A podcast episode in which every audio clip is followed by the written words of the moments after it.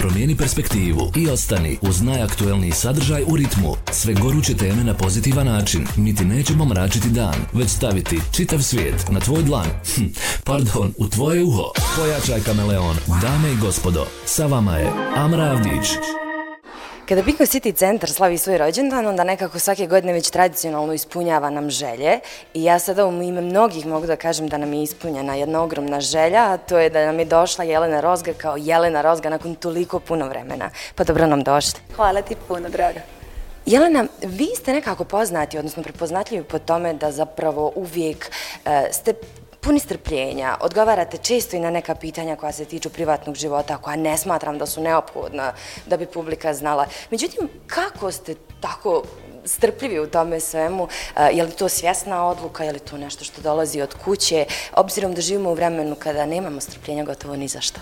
Pa ja sam nekako užasno strpljiva i smirena, ali takva sam ovaj, uvijek bila, ali mislim da sam posljednjih par godina onako baš nekako odlučila i puno sam sve složila u svojoj glavi, baš mi je lijepo. Nema toga što će mene iznervirati. Ne dam u stvari da me išta iznervira zato što prvenstveno mislim na svoje zdravlje. Eto. Kada kažete zdravlje, postoji stvar oko koje su vam žene sa ovih prostora jako zahvalne, a tu je kada ste podijelili e, problem koji mučite sa zdravljem i hvala vam na tome. S druge strane, kako se nosite sa lošim periodima koji dođu i sa takvim zdravstvenim stanjem? moram. Mislim, koji svaka druga žena i svaka osoba muška koja ima problem sa štitnjačom i srcem mora ići na posao. Tako i ja moram izaći na binu i nema nema toga zbog čega bi ja otkazala koncert. Ne znam, nešto se, možda se u budućnosti nešto desi, pa kažu, evo je, sad promijenila mišljenje. Ali ja sam, evo, i sad u nekim loš, sa lošim nalazima se upravo nosim sa štitnjačom, ali ne dam se. Osmijeh na lice i radim posao koji volim najviše na svijetu. E, prvi put kao Jelena Rozga sam u Tuzli i presretna, uzbuđena. Jedva čekam da krenem sa koncertom vaša karijera, e, neću vas puno odlačiti od publike, znam da vas nestrpljivo čeka, ali vaša karijera je nekako uvijek bila u onom jeku, e, bez nekih oscilacija, bez prijekorna. Čime je bilo popločan taj put? Dobri pjesma ja nekako to samo mogu reći. To su stvarno izvrsne pjesme. E, mijenjali su se stilovi u glazbi u ovih, ne znam, ja ću reći od 2006. od kad sam ja u solo karijeri, ali ja nisam pratila trendove.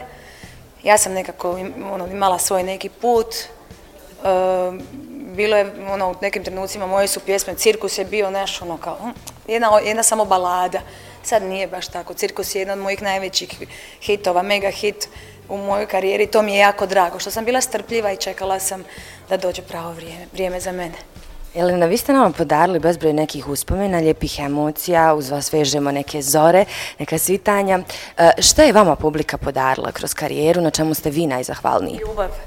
Ljubav, da, zaista tu, tu, tu ljubav koju ja dobijem tijekom koncerta, to vam ja ne mogu opisati kolika je ta snaga i ljubav.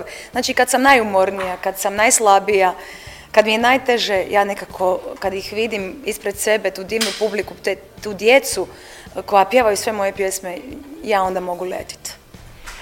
To je sve najbitnije u životu. Hvala vam puno. Hvala vam. Promijeni perspektivu i ostani uz najaktuelniji sadržaj u ritmu. Sve goruće teme na pozitivan način. Mi ti nećemo mračiti dan, već staviti čitav svijet na tvoj dlan.